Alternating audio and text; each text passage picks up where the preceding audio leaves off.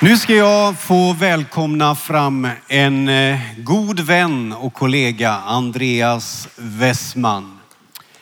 Han eh, har bakgrund från Östergötland, Linköping, flyttade till Göteborg, hamnade i Trollhättan och sen begav han sig ner till Malmö där han nu fungerar som föreståndare i pingstförsamlingen där i centrala Malmö.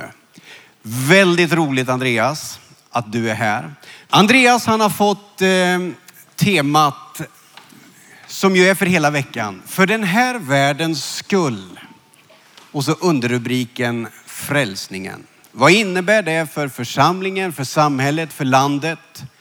Vad gör vi med detta som är frälsning? Innan du börjar att förkunna så skulle jag vilja att vi ber en bön för Andreas om den heliga andes ledning och hjälp. Herre, tack för att vi nu får landa inför det här bibelstudiet. Tack för att vi får avsätta tid för att tala om detta stora, denna gåva, denna rikedom som du har öppnat upp för oss i frälsningen. Jag ber helige ande att du skulle vara med Andreas, att han får tala ord från dig, profetiskt välriktat, till uppmuntran och hjälp och vägledning. Tack att vi får lägga honom i dina händer. I Jesu namn. Amen. Amen. Tack. Hörrni, eh, innan jag börjar så skulle jag bara vilja eh, visa en liten bild som jag smygtog igår på två av dessa hjältar som håller Nyhemsområdet igång. Eh, jag bor på Slingan och då går jag alltid in i den dörren där uppe. Och hittills så har alltid Acke Möller stått där. En kollega, en pastorsvän och han har välkomnat mig med det största bländvita leendet någonsin. Så om ni är lite nere när ni går till gudstjänsten så lita reda den dörr där Acke Möller står i för då bara vänder det på en gång. Man blir så vansinnigt glad när man ser honom. Och igår, jag vet inte, det var en väldigt liten och dålig bild. Hittar vi den någonstans? Så hade han tagit med sitt barnbarn Iris och så trätt på henne en stor sån här eh, värdväst som räckte henne ner till, till vaderna. Och så eh, var det han och Iris som tog hand om den övre porten och såg till att vi var hemma där. Det var ett fullpackat möte, LP-möte. Det var kaos runt dörren. Men där gick Acke och bara såg till att alla trivdes ihop med Iris. Och så tänkte jag, så där, det där är Nyhem för mig. När man har varit med länge, då tar man med sitt barnbarn och så börjar man liksom visa vart vägen går. Det var en fantastiskt vacker bild. Nu fick inte ni se den kanske, men jag har den i min telefon. Eh, så tack alla ni hjältar som liksom gör att den här konferensen funkar. Och hur kan man i regnet och kladdet klara av att hålla toaletterna rena? Bara en sån sak. Varje gång man går på dass så är det alldeles perfekt och ändå är det liksom regnigt ute. Jag fattar inte hur ni gör, men ni gör det fantastiskt bra. Så ett stort tack till alla er. Hörrni, eh, eh jag hoppas att det här, ja ge dem en applåd.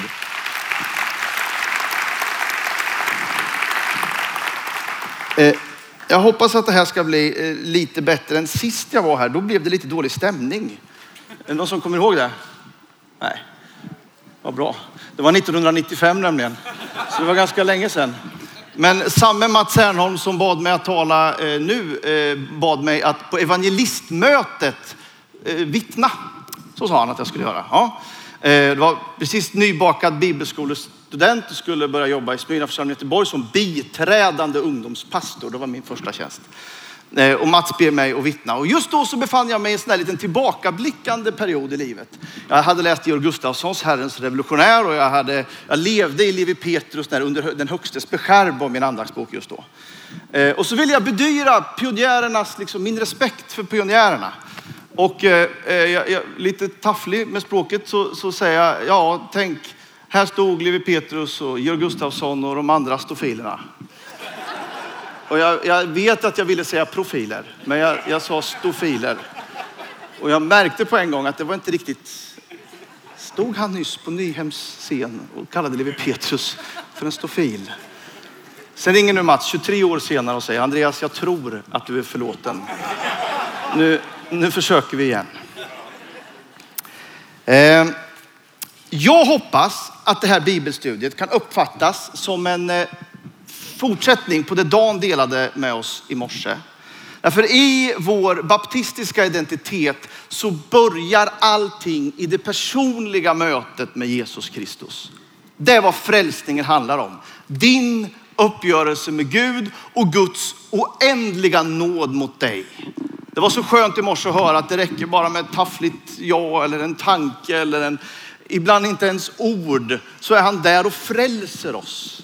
Det var så gott att få det till sig i morse. Och det är liksom grunden för allt det jag säger idag. Om den här världen ska förändras på något sätt så är motorn i den förändringen varje individs personliga möte med Gud och den efterföljande helgelsen som gör att jag lever på ett annat sätt i den här världen. Så förändras världen.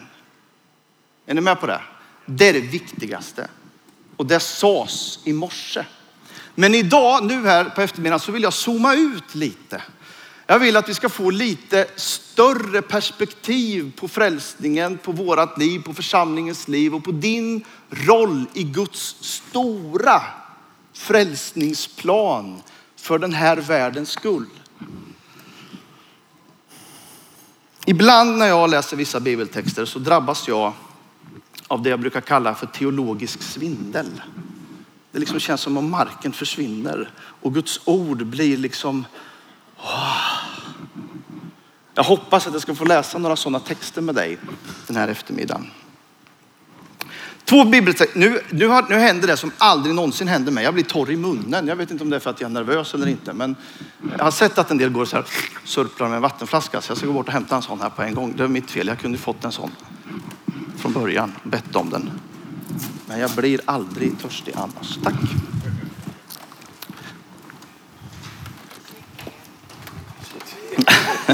Kycklingen. Apostlagärningarnas 16 kapitel, vers 25 till 34. Vid midnatt höll Paulus och Silas bön och sjöng lovsånger till Gud. Och de andra fångarna hörde på. Plötsligt kom ett kraftigt jordskalv så att fängelset skakades i sina grundvalar. I detsamma sprang alla dörrar upp och bojorna föll av dem alla. Fångvaktarna vaknade och när han fick se att dörrarna i fängelset stod öppna drog han sitt svärd för att ta sitt liv eftersom han trodde att fångarna hade rymt. Men Paulus ropade högt, gör det inget illa, vi är kvar allihop. Då sa fångvaktaren till om ljus och sprang in och kastade sig skräckslagen ner inför Paulus och Silas. Sedan förde han ut dem och frågade dem, vad ska jag göra för att räddas? De svarade, tro på Herren Jesus så ska du bli räddad, du och din familj. Och de förkunnade ordet om Herren för honom och alla i hans hus. Fångvaktaren tog genast hand om dem mitt i natten, tvättade såren efter piskrappen. Sedan döptes han själv med hela sin familj och han tog dem upp i sin bostad och lät duka ett bord. Och han och hela hans hushåll visade stor glädje över att ha kommit tro till tro på Gud. Jag tycker att det är så fascinerande att märka hur två lärjungar i en riktigt knivig, mörk situation stämmer upp i bön och lovsång. De lovsjunger Gud mitt i allt elände. Och det som är extra fascinerande i den här berättelsen är att ett annat gäng fångar som är i samma prekära, mörka situation. Det enda de gör är att de lyssnar. De sitter bredvid och lyssnar. Det står inte ens att de lyssnar med någon särskild glädje eller någon särskild liksom inlevelse. De bara hör det där. Men när Gud kommer och drabbar Paulus och Silas, hur många bojor lossnar? Allas bojor lossnar. Allas bojor lossnar. Man kan tycka att det är lite oförtjänt för de där säkerligen med rätta dömda människorna som sitter där inne. Varför ska deras bojor lossna? Och man kan också notera, och jag är medveten om att jag kanske gör lite våld på texten, men när deras bojor har lossnat och dörrarna har sprungit upp, då är de hellre kvar i fångenskapen där lovsången ljuder, En rusar ut i friheten. Jag tycker att det här är en sån vacker text om vad Guds rike handlar om när det gäller Guds stora frälsningsplan. Jag tror att när Gud får tag om oss så får vi tag om världen. När Gud befriar oss så befrias också människor i vår omgivning. Och frälsningen spiller över på det sättet. En annan text som jag skulle vilja ha som någon sorts språngbräda i det jag ska säga, som någon sorts bakgrund, är från Efesiebrevets första kapitel, denna mäktiga inledning. Paulus skriver så här från vers 18 till 23. Må han ge ert inre öga ljus så att ni kan se vilket hopp han har kallat oss till. Vilket rikt och härligt arv han ger oss bland de heliga. Hur väldig hans styrka är för oss som tror. Samma oerhörda kraft som han med sin makt lät verka i Kristus när han uppväckte honom från de döda och satte honom på sin högra sida i himlen.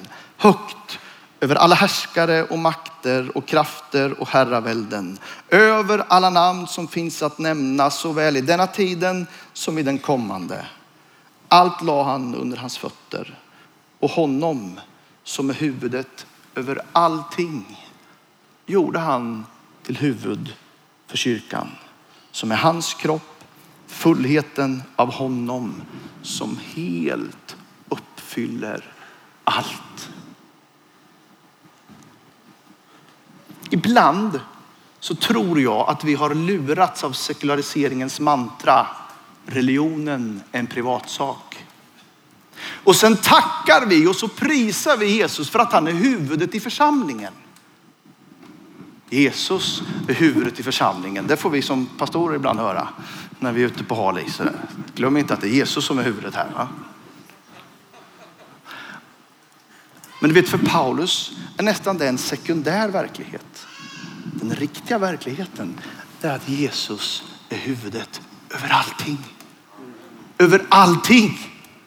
Överallt är Jesus Herre i Paulus värld. Det kan du fundera på när du kliver in på ditt kommunkontor. Jesus är Herre här. Det ska du inte säga till din chef, men, men, men du kan leva i det. Du kan tänka så om de problem du möter varje dag.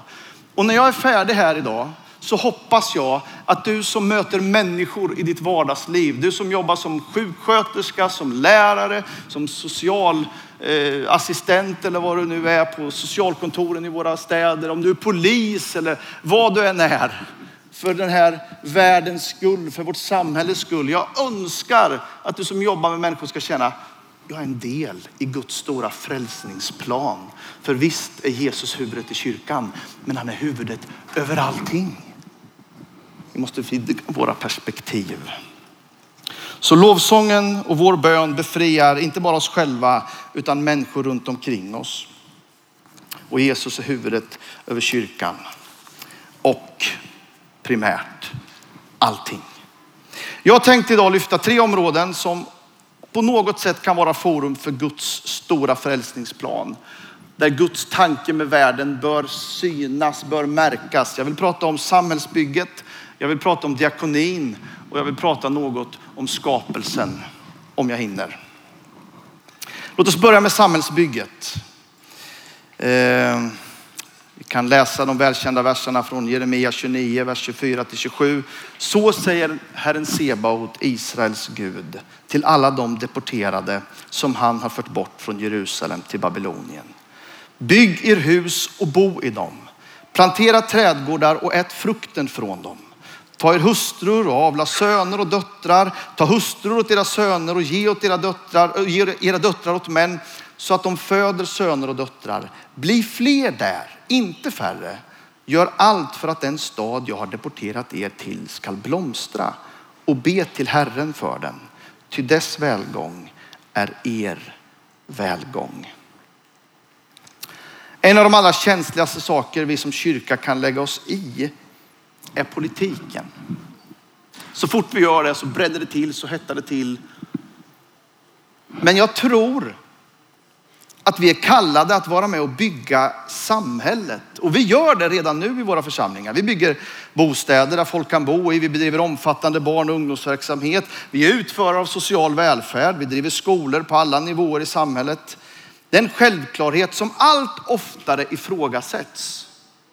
Och jag önskar att vi kunde få liksom, självförtroende nog att ta den plats i samhällsbygget som det här samhället behöver för att Guds röst ska märkas i vår tid.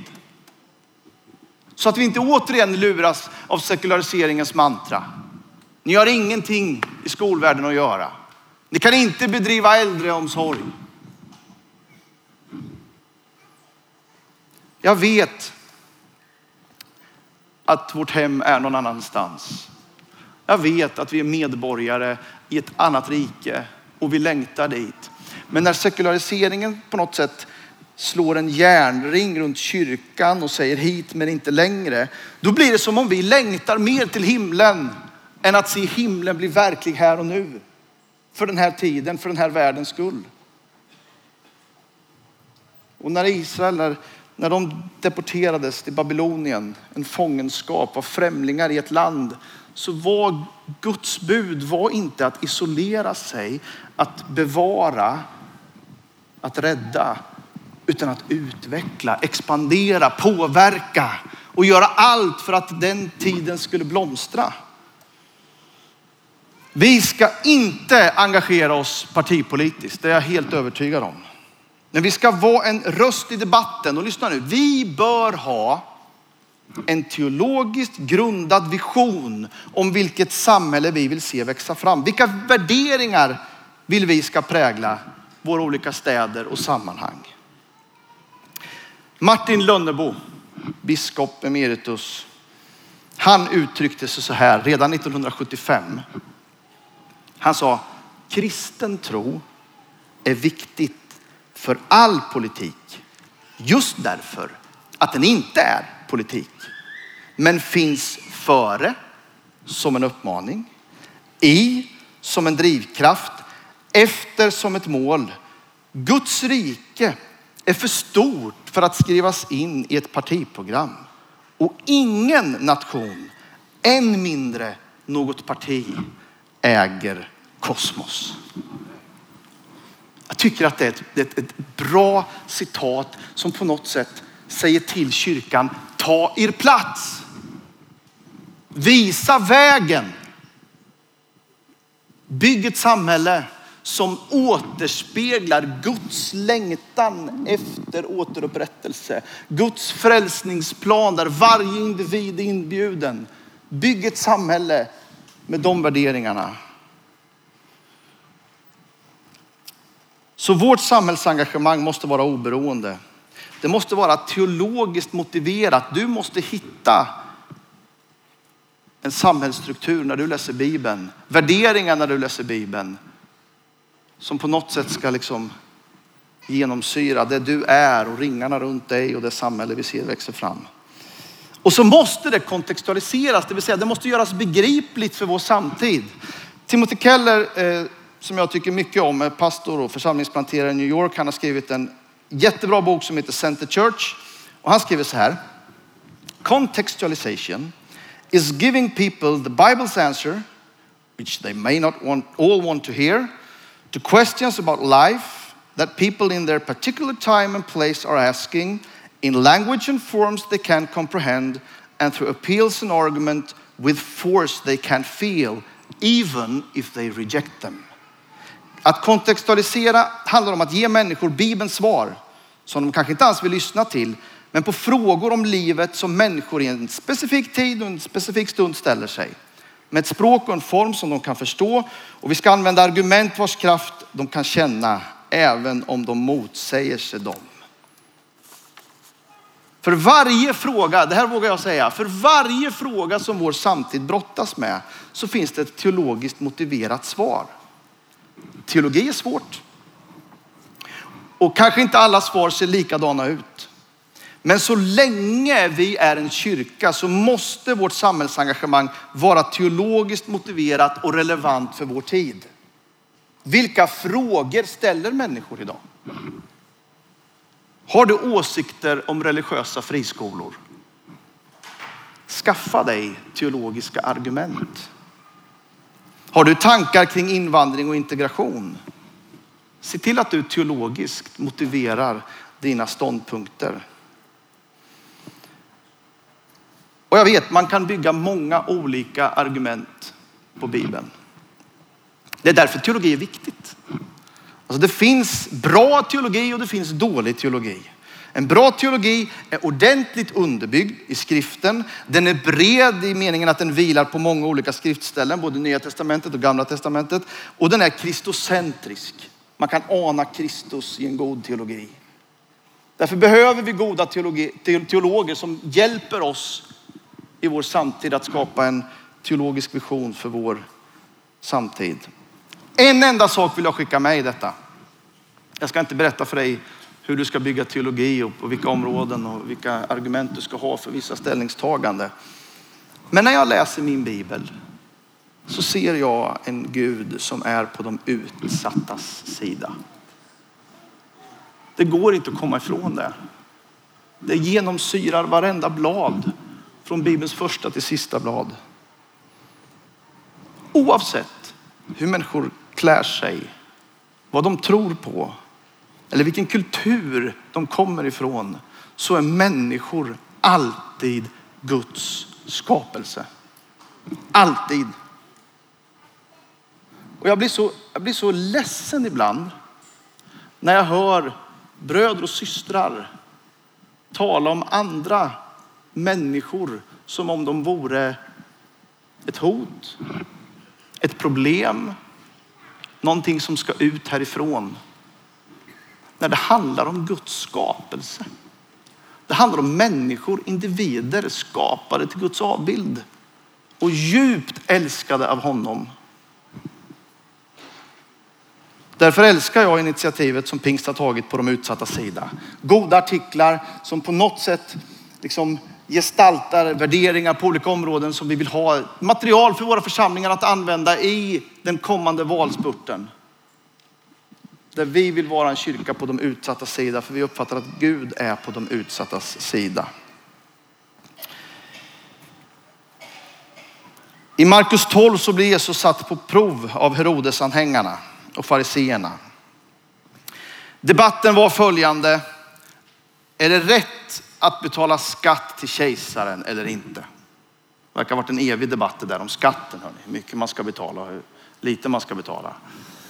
Men här var det lite annat än e- ekonomiska värden som stod på spel. Därför att en del judar tänkte så att om jag betalar min skatt till kejsaren så är det en form av avguderi.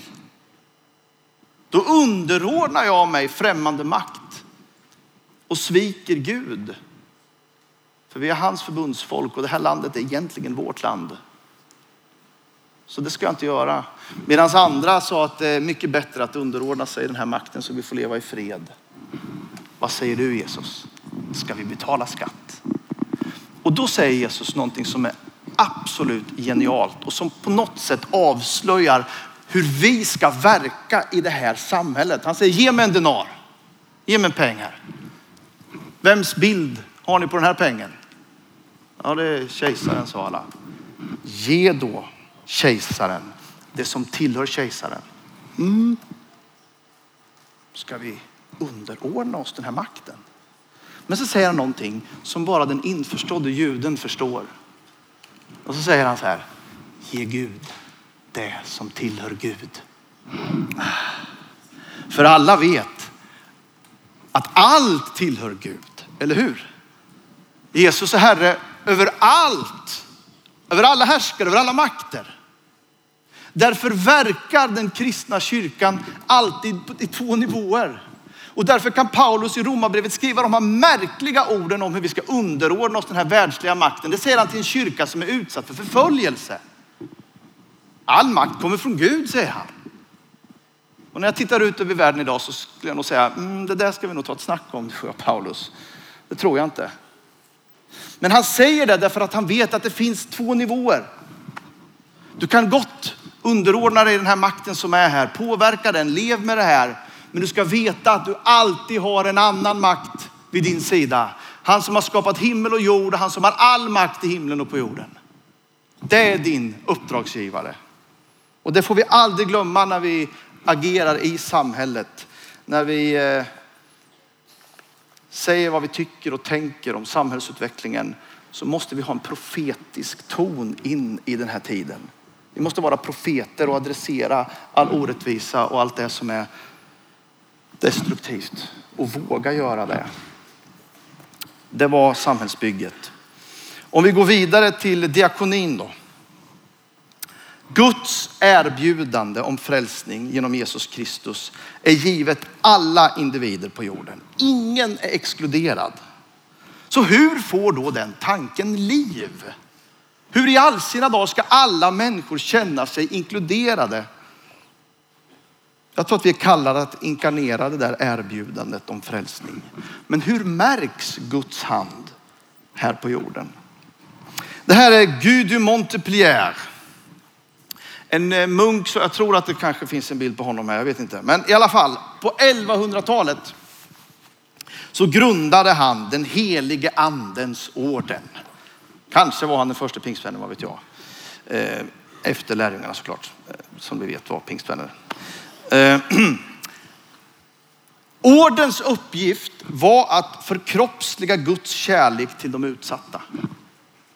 Gud de Montpellier, han visste att kyrkans uppdrag var att be för de sjuka och utsatta. Och det gjorde de. De la sina händer på dem och bad för de sjuka. Men han förstod också att kyrkan kunde vara bönesvaret. Därför inrättade han så kallade Helganshus. I Malmö så grundades det första Helganshuset på 1300-talet. Ett hus som fungerade som ålderdomshem och fattigstugor. Men de blev också Europas första sjukhus. Helganshusen blev sjukhus. Jag tycker om det. Och jag älskar den där inställningen. Vi ber för dig. Men om Gud inte gör ett under i ditt liv så ska jag ta reda på vilka örter som funkar för din, din åkomma. Jag ska lägga dig på en brits här och ge dig mat och jag ska smörja dina sår och jag ska förbinda allt det som är, liksom, gör ont i din kropp. Därför att Gud har kallat mig att hela och upprätta den här världen. Jag älskar den inställningen. Jesus vandrade omkring i alla städer och byar och han undervisade i synagogorna förkunnade budskapet om riket och botade alla slags sjukdomar och krämpor. Men när han såg människorna fylldes han av medlidande för dem. För de var illa medfarna, hjälplösa, som får utan herde. Och han sa till sina lärjungar, skörden är stor, men arbetarna få. Be därför skördens herre att han sänder ut arbetare till sin skörd. Jesus han ser hela människan, eller hur? Han ser kroppen, han ser själen, han ser ande, han botar sjukdomar och han undervisar. Han ser människor och han fylls av medlidande. Kanske är det här de svåraste sakerna att hantera när det gäller socialt engagemang i våra kyrkor. Hur bemöter vi både människors fysiska, själsliga och andliga behov på en och samma gång? För det tror jag att vi är kallade att göra. Att bevara en holistisk diakoni i ett sekulärt samhälle är en stor utmaning. Men om vi är kallade att inkarnera budskapet om frälsning, att liksom göra frälsningsbudskapet till händer och fötter och ögon och öron och liksom det ska märkas att Gud vill frälsning. Då måste vi inse återigen att alla människor oavsett religion, kulturell bakgrund, de är skapade till Guds avbilder och därigenom djupt älskade av honom. De är föremål för hans kärlek och vi är kallade att gestalta den kärleken. Därför ska vi predika budskapet samtidigt som vi förbinder sår och erbjuder hjälp till den som är trasig i själen. Det måste vi göra. Och människor måste veta, jag hjälper dig nu. Jag smörjer dina sår. Jag tar hand om det som är ont i ditt liv. Därför att jag har gått ner på knä inför Jesus Kristus som har skapat dig till sin avbild. Därför älskar jag dig. Och därför hjälper jag dig. Men jag hjälper dig för att du är människa, punkt.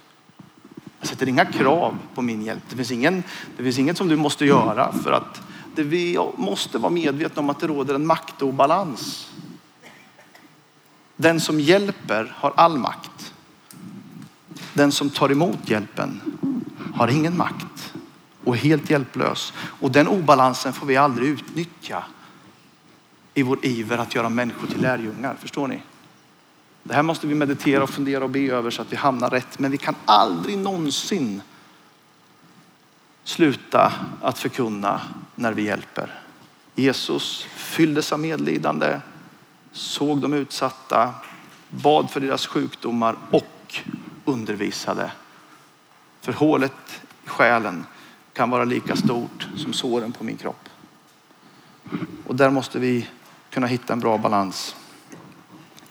I Malmö finns en grupp så modiga kvinnor. Jag måste få berätta om dem. De driver tillsammans med oss kyrkor i stan och organisationen Hela Människan ett, ett skyddat boende för kvinnor som är utsatta för människohandel. Och när jag pratar med de här hjältinnorna, när de berättar om den här verkligheten som jag, alltså jag har så svårt att ta in vad som händer i vår stad och i våra städer och i vårt land. De söker upp kvinnor i gatumiljö på internet. De går in i thaimassagesalongerna. Varannan är ungefär i Malmö en förklädd bordell. De ser en vidrig verklighet som få av oss är medvetna om. Och de väjer inte för mörkret utan de avslöjar mörkret. De kämpar för att dra unga kvinnor ut ur ett bokstavligt helvete. För ett år sedan ungefär så vann de en extremt stor seger. De vann över Dublinförordningen som säger att en asylsökande ska söka asyl i det land i Europa dit han eller hon först kom. Och den här bilden visar när en av kvinnorna på hemmet eh, vann i EU-domstolen mot Dublinförordningen.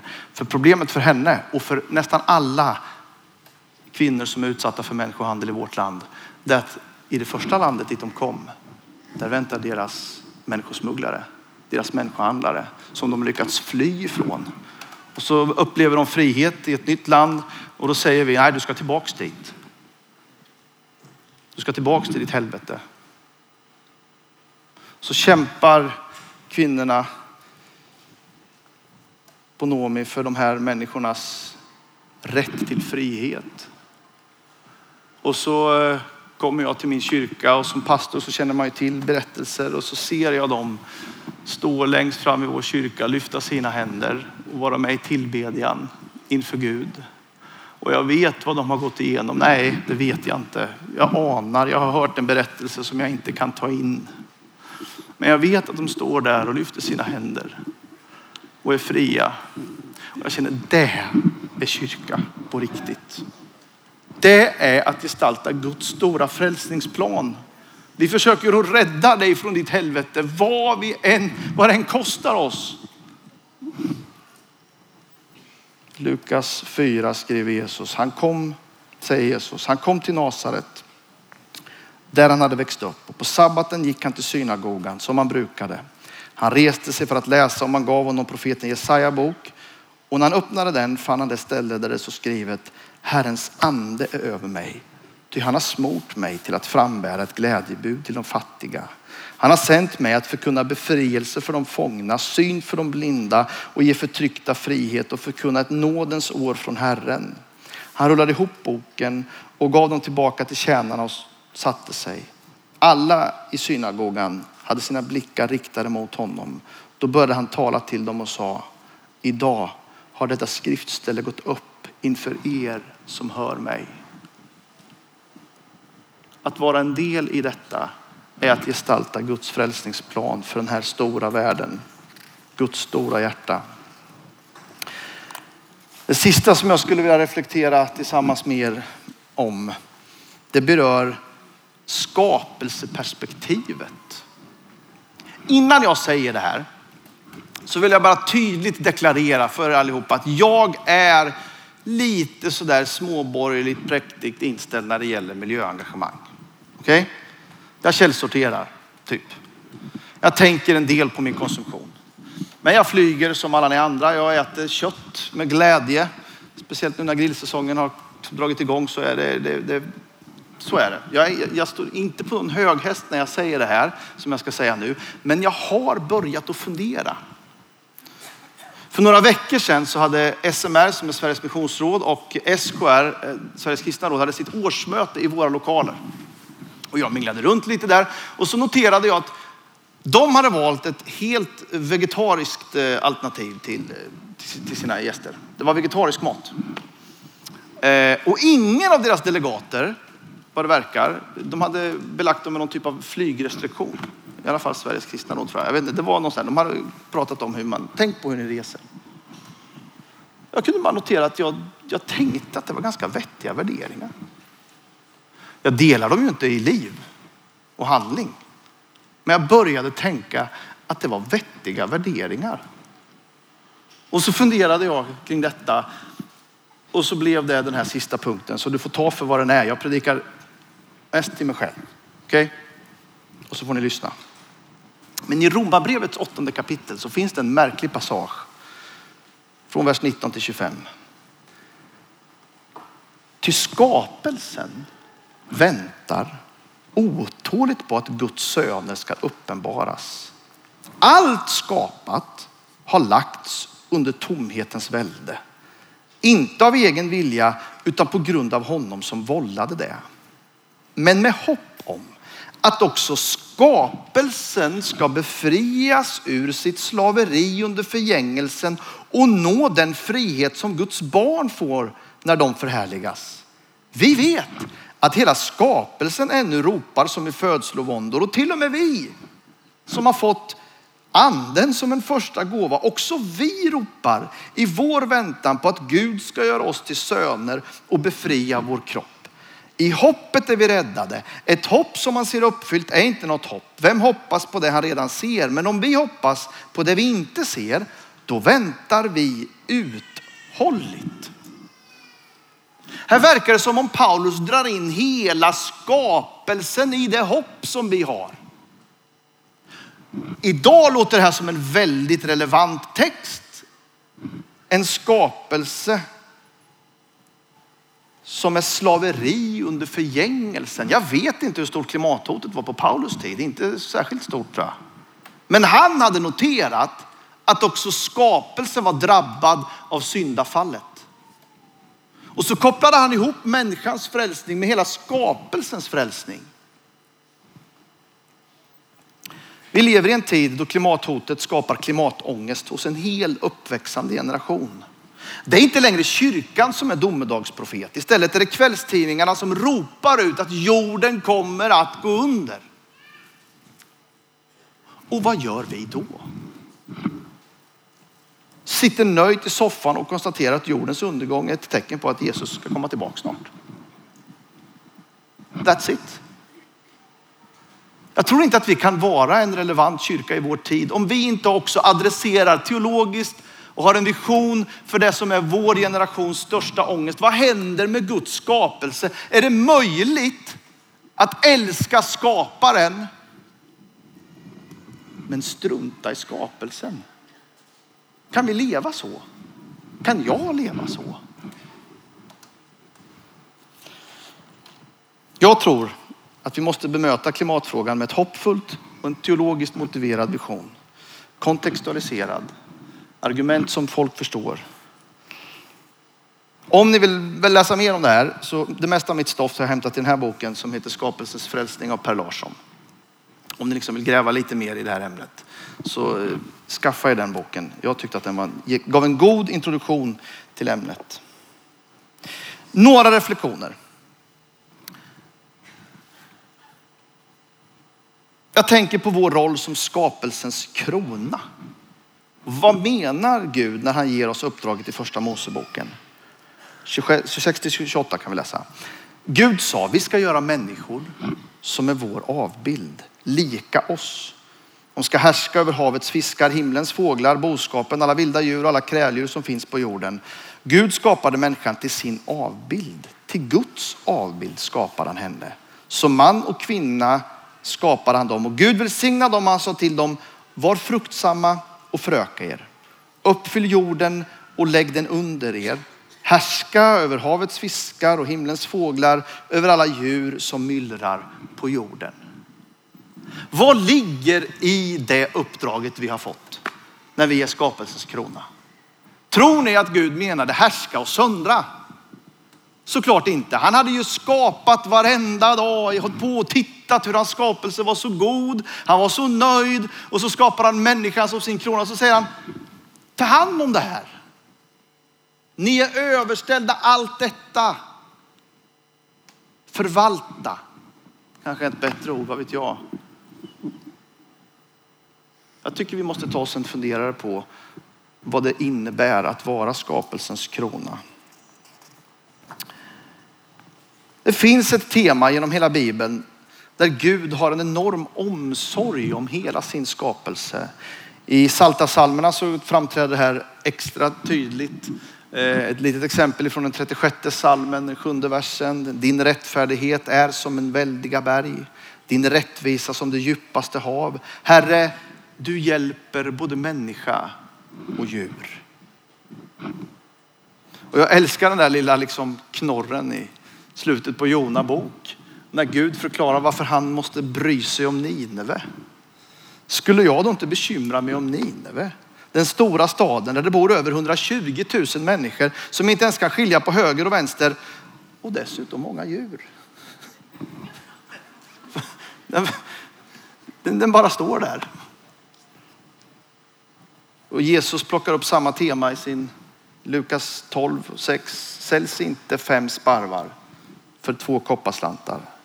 Men ingen av dem är glömd av Gud. Gud lever i en ständig symbios med hela sin skapelse och det här uttrycks i hela Bibeln. Så frågan är om vår kärlek till Gud påverkar oss i hur vi hanterar hans skapelse. Kanske är det dags att läsa Noa med lite nya glasögon. Noa är en person som fick i uppdrag att rädda hela skapelsen i sin ark. Han blev medveten om den biologiska mångfalden och Gud slöt.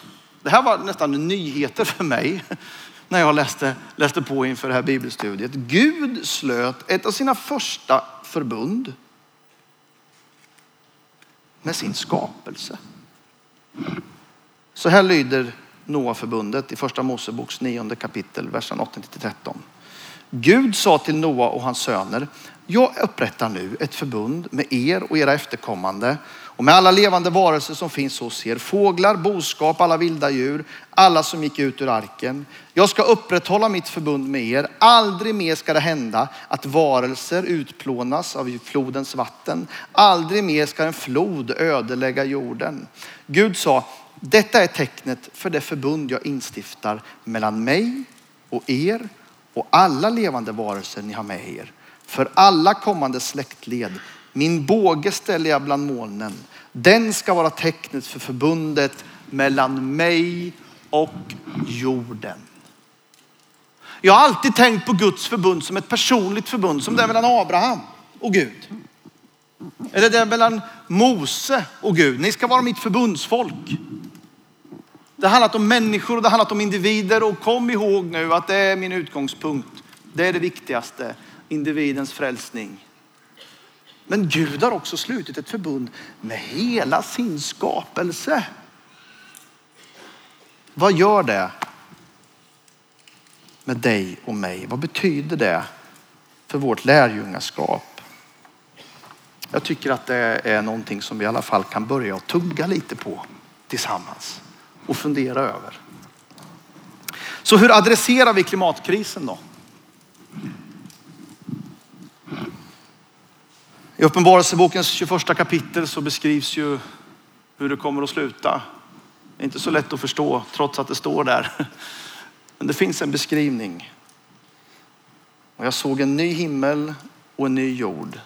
Till den första himlen och den första jorden var borta och havet fanns inte mer. Och jag såg den heliga staden, det nya Jerusalem, komma ner ur himlen från Gud, redo som en brud som är smyckad för sin man.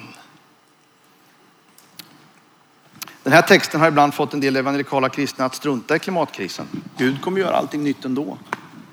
Om du läser några kommentarer och gräver lite djupare i den här texten så tvistar de lärde om vad ordet ny betyder. Kan det kanske betyda förnyad? En del menar det. Hur som helst så måste vi tala hopp in i den här tiden. Guds tanke med dig är att du ska bli återupprättad. Men Guds tanke med hela skapelsen är att allting ska bli återupprättad. Du lever i symbios med allting som finns här på den här jorden och allting har Gud tänkt någonting nytt för. Ditt liv, din personliga frälsning, men också hela jorden. Vi måste predika hopp när alla andra predikar undergång. Precis som han har slutit ett förbund med dig i frälsningen så har han slutit ett förbund med hela sin skapelse. Och på samma sätt som vi kommer att bli fullt upprättade när han kommer tillbaka så kommer också hela skapelsen att bli upprättad. Jag tror jag kallade att i någon mån gestalta detta i våra liv genom de val vi gör som kristna. Så min önskan med det här bibelstudiet idag det är att du ska ha kunnat zooma ut lite och förstå att Guds rike är så mycket större än du någonsin kan tänka och förstå. Och jag önskar att alla ni som på något sätt rör er bland människor i ett vardagsliv som har behov. Kanske är du polis, kanske är du socialsekreterare, kanske är du sjuk personal, sjukhuspersonal, lärare, ja, vad som helst. Jag önskar att du kunde se på dig själv som en Guds rikes ambassadör. Där Guds rikes värderingar, där Guds kärlek ska märkas genom mitt sätt att sköta mitt arbete. Jag kan vara en del av Guds frälsningsplan nu. Jag är Guds utsträckta hand. Om Guds erbjudande till hela den här mänskligheten ska märkas så beror det faktiskt på kyrkan, på dig, på mig. Och jag hoppas att du ska känna dig kallad till den uppgiften den här morgonen. Och jag vill sluta där jag började med en beskrivning om hur omfattande Guds frälsningsverk är. Och när jag var den där biträdande ungdomspastorn i Smyna kyrkan i Göteborg så lärde mig Jack Tommy Ardenfors att man ibland bör stå upp när man läser Guds heliga skrift. Och jag skulle faktiskt vilja att vi avslutningsvis gjorde det när vi läser den här texten som ger mig lite teologisk svindel. Kolosserbrevets första kapitel, versen 13 till 20. Han har räddat oss ur mörkrets välde och fört oss in i sin älskade sons rike.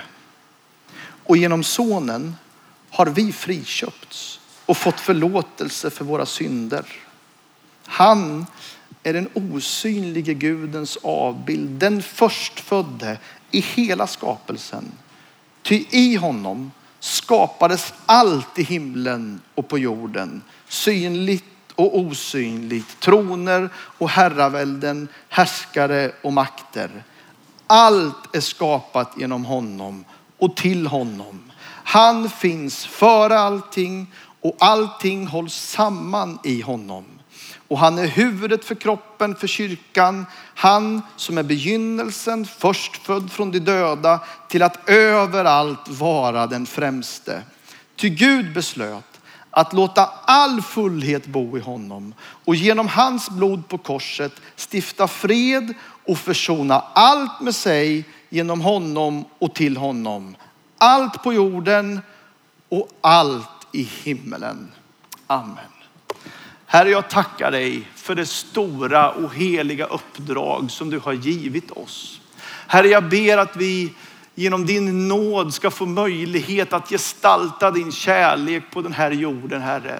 Vare sig vi vill bygga samhälle genom samhällsinstitutioner eller om vi vill engagera oss socialt och diakonalt i vår värld eller om vi bara vill slå ett slag för att ta hand om din skapelse så ber jag att vi ska känna oss inkluderade i ditt stora ja till den här världen. Din stora kärlekskram i den här tiden, Herre Jesus, som behöver din närvaro, som behöver ditt hjärta så väl, Herre Jesus. Jag tackar att vi inte ska låta sekulariseringen begränsa oss, där vi stänger oss in i ett litet kyrkorum som talar om sina saker och som längtar efter din ankomst bara, utan som inser att det evangelium du har har gett oss. Det ska spränga ut i den här världen. Det ska beröra människor på så många olika sätt, Herre Jesus. Jag tackar dig helige Ande för att du går runt och kallar människor till helig tjänst just nu. När man får se på sitt arbete med nya ögon och inse att man är en del av någonting mycket, mycket större. Man är en del av någonting så oerhört vackert, så oerhört omfattande och så oerhört stort, Herre. Hjälp oss att vara dina megafoner in i en tid som tycks ha slått dövörat till. När man tänker och tror att människor inte vill veta, men du har redan varit där och förberett. Du har värmt upp hjärtan, du har kramat om hjärtan och vi får bara vara dina, dina röster i den här tiden, Herre. Jag tackar och lovar dig för det. Jesus Kristus, Jesus Kristus. I ditt namn vi ber. I ditt namn vi ber. Amen, amen, amen. Jag skulle vilja att vi gjorde så här att eh, du som känner så här. Alltså det här är ett budskap till mig. Det är dags för mig att ta min roll som lärare på ett annat allvar. Det är dags för mig att inse att jag är sjuksköterska på en plats där Jesus är Herre. Jag är lärare i en tid då barn behöver så mycket av Guds kärlek in i sina liv. Herre hjälp mig, jag är socialsekreterare, ser så mycket nöd. Ge mig din blick bara på de här människorna som far illa i vår tid. Kanske är du polis, jag vet inte på vilket sätt du har känt dig träffad. Men, men om du skulle vilja ha lite förbön nu. Vi ber för dig att du går härifrån med en förnyad kallelsemedvetenhet. Så ber jag att du ska stå kvar när vi andra sätter oss ner. Så ska vi be för dig där du står. Eh, ni som vill sätta er ner är välkomna att göra det. Men ni som känner att det här är för mig, jag behöver mer förbön för att komma vidare. Då står du kvar där du är.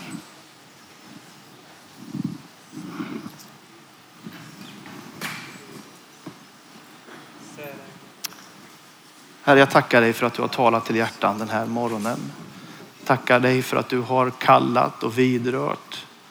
Jag ber att de som står upp just nu ska få bekräftat den kallelsemedvetenhet som du lägger in i deras hjärtan. Du ser vilka individer de har för sin näthinna.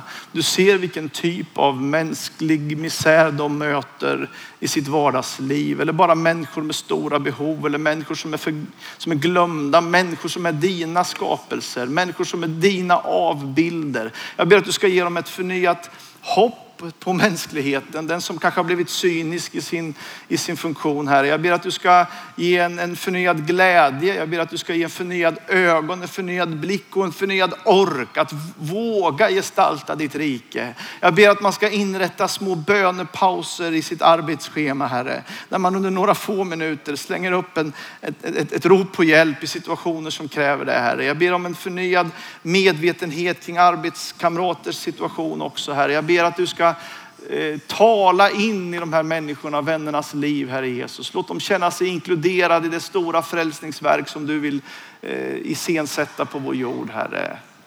Vi älskar och lovar dig. I Jesu namn vi ber. Amen, amen, amen. Amen. Varsågod och sitt. Tack för att ni var här och lyssnade till detta. Eh, filtrera det här nu i det som kallas att pröva ordet. Ta till dig det som blev kvar i ditt hjärta och släng det åt sidan det som glöms bort. Det liksom brukar göra det automatiskt. Och har du frågor och funderingar så får du gärna hugga tag i mig. Jag kommer vara här hela vägen in i söndagen.